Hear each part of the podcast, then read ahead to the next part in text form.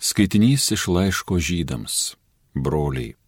Tikėjimas laiduoja mums tai, ko vilėmis, įrodo tikrovę, kurios nematome. Per jį protėviai gavo gerą liudijimą. Tikėjimu suvokiame, kad pasauliai buvo sukurti Dievo žodžiu. Būtent iš neregimybės atsirado regima. Tikėjimu įkveiptas Abelis atnašavo vertesnę auką negu Kainas Ir tikėjimas jį paliudijo esant teisų, nes pats Dievas patvirtino jo dovanas. Dėl tikėjimo jis ir miręs tebe kalba. Tikėdamas Henochas buvo perkeltas, kad neregėtų mirties, ir žmonės jo neberado, nes Dievas jį perkelė. Mat prieš perkeliamas, pasak liudyjimo, jis patikės Dievui. Be tikėjimo neįmanoma patikti Dievui.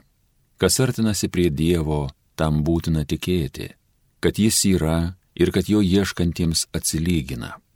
Dėl tikėjimo gavęs apreiškimą apie tuo metu nematomus dalykus, Nojus su baime pasistatė arką savo šeimynai išgelbėti.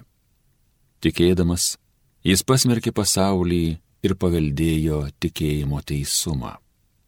Tai Dievo žodis.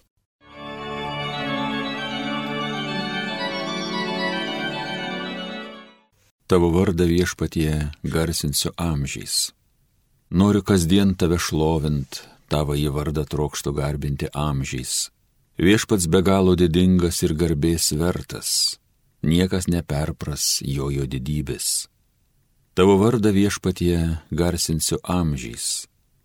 Tavo nuostabius darbus, tavo galybę skelbia karta būsimai kartai. Tavo didybė spindėte spindi, sklinda garsas stebuklų tavo vardą viešpatie garsinsiu amžiais.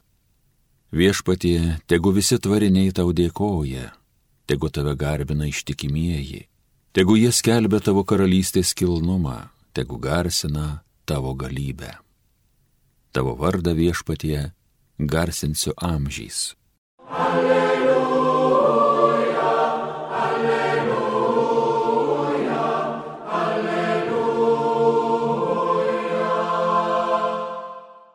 Iš debesies nuskambėjo tėvo balsas. Štai mano mylimasis sūnus, klausykite jo. Alleluja, alleluja, alleluja.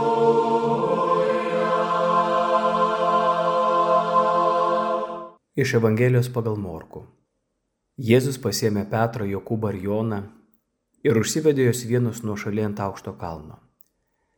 Ten jis atsimainė jo akivaizdoje. Jo drabužiai ėmė taip baltai spindėti, kaip jų išbalinti negalėtų joks kalbėjęs žemėje. Jiems pasirodė Elijas ir Mozė, kurie du kalbėjosi su Jėzumi. Petras ir sako Jėzui, rabi, gera mums čia būti, pastatykime tris palapines. Viena tau, antra Mozė, trečia Elyjui. Jis nesižinojo, ką sakas, nes jie buvo persigandę. Užėjo debesis ir uždengė juos o iš debesės nuskambėjo balsas. Šitas mano mylimasis sunus, klausykite jo.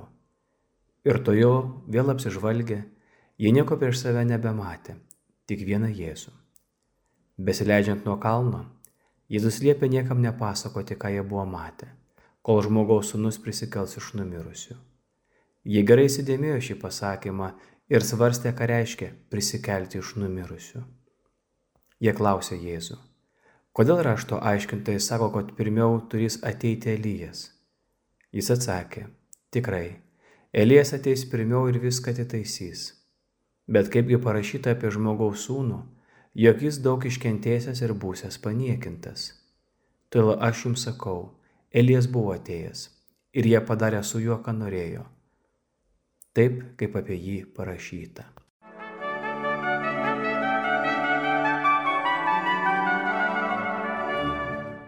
Ankstyvas rytas po nakties.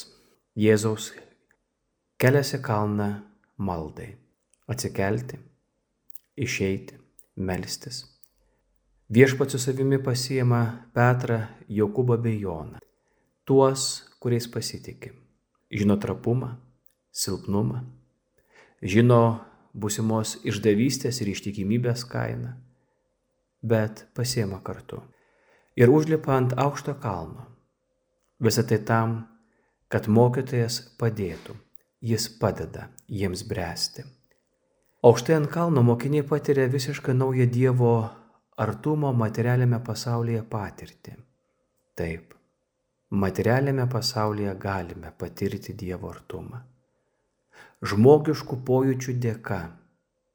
Jie mato ir girdi bei jaučia Dievo buvimą.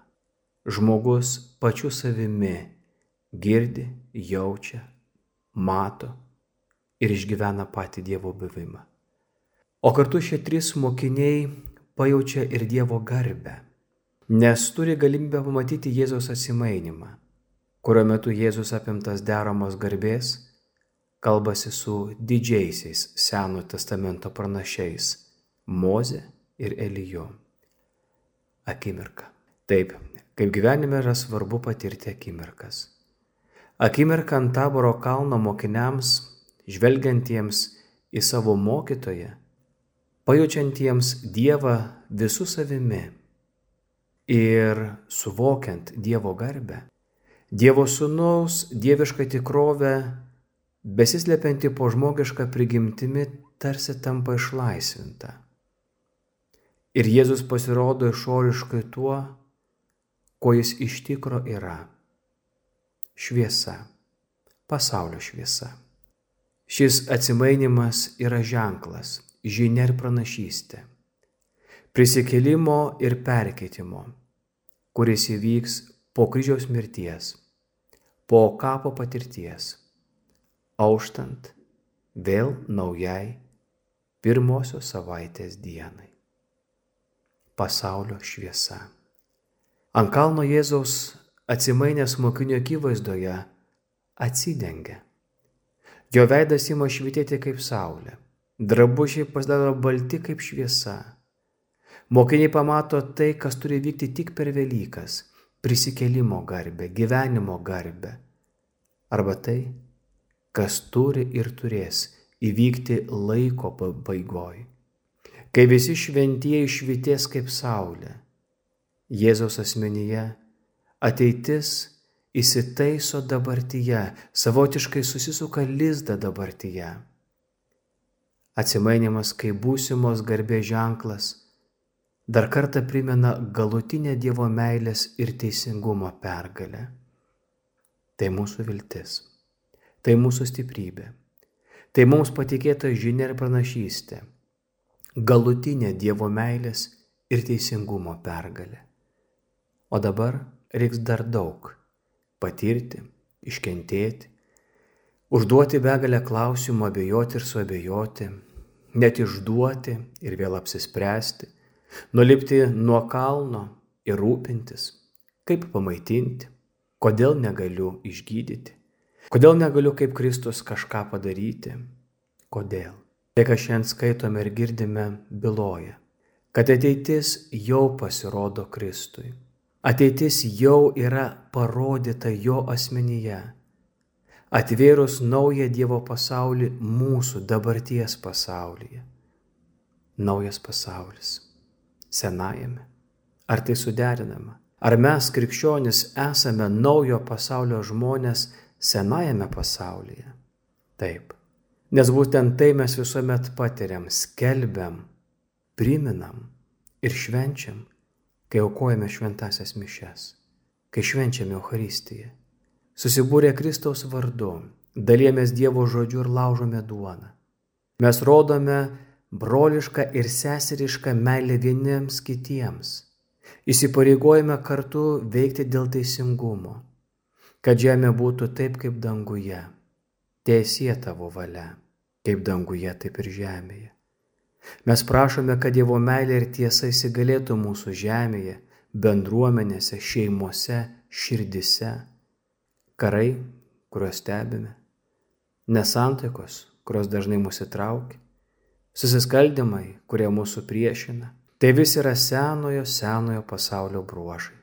Atėjus Kristui, šis pasaulis tampa kitoks. Būtent mūsų tikinčių žmonių dėka Nes pasaulio žaizdo dabar priklauso ne tik mums, bet ir jam, jo kūnui, kuris yra prikeltas, o mes dabar esame jo kūno nariai, bažnyčia. Viltis, kad teisingumas pagaliau įsigalės, mus drąsina kasdien kurti gražesnį, teisingesnį pasaulį. Pasaulio, kuriame kiekvienas žmogus be galo vertinamas ir mylimas. Juk apie tai kalbės ir apaštalas Paulius sakydamas, kad mes laukiame viešpaties Jėzaus Kristos, kuris pakeis mūsų vargingą kūną, padarys jį panašų savo garbingai kūną tą galę, kurią jis savo visą palenkė. Šiandien, apmastydami taboro kalną, atsimainimą, mokinystę ir mokytojo kantrumą bei išmintį, naujo pasaulio buvimą ir senojo pasaulio šėlsmą, pagalvokime, ką reiškia būti naujo pasaulio pranašystė.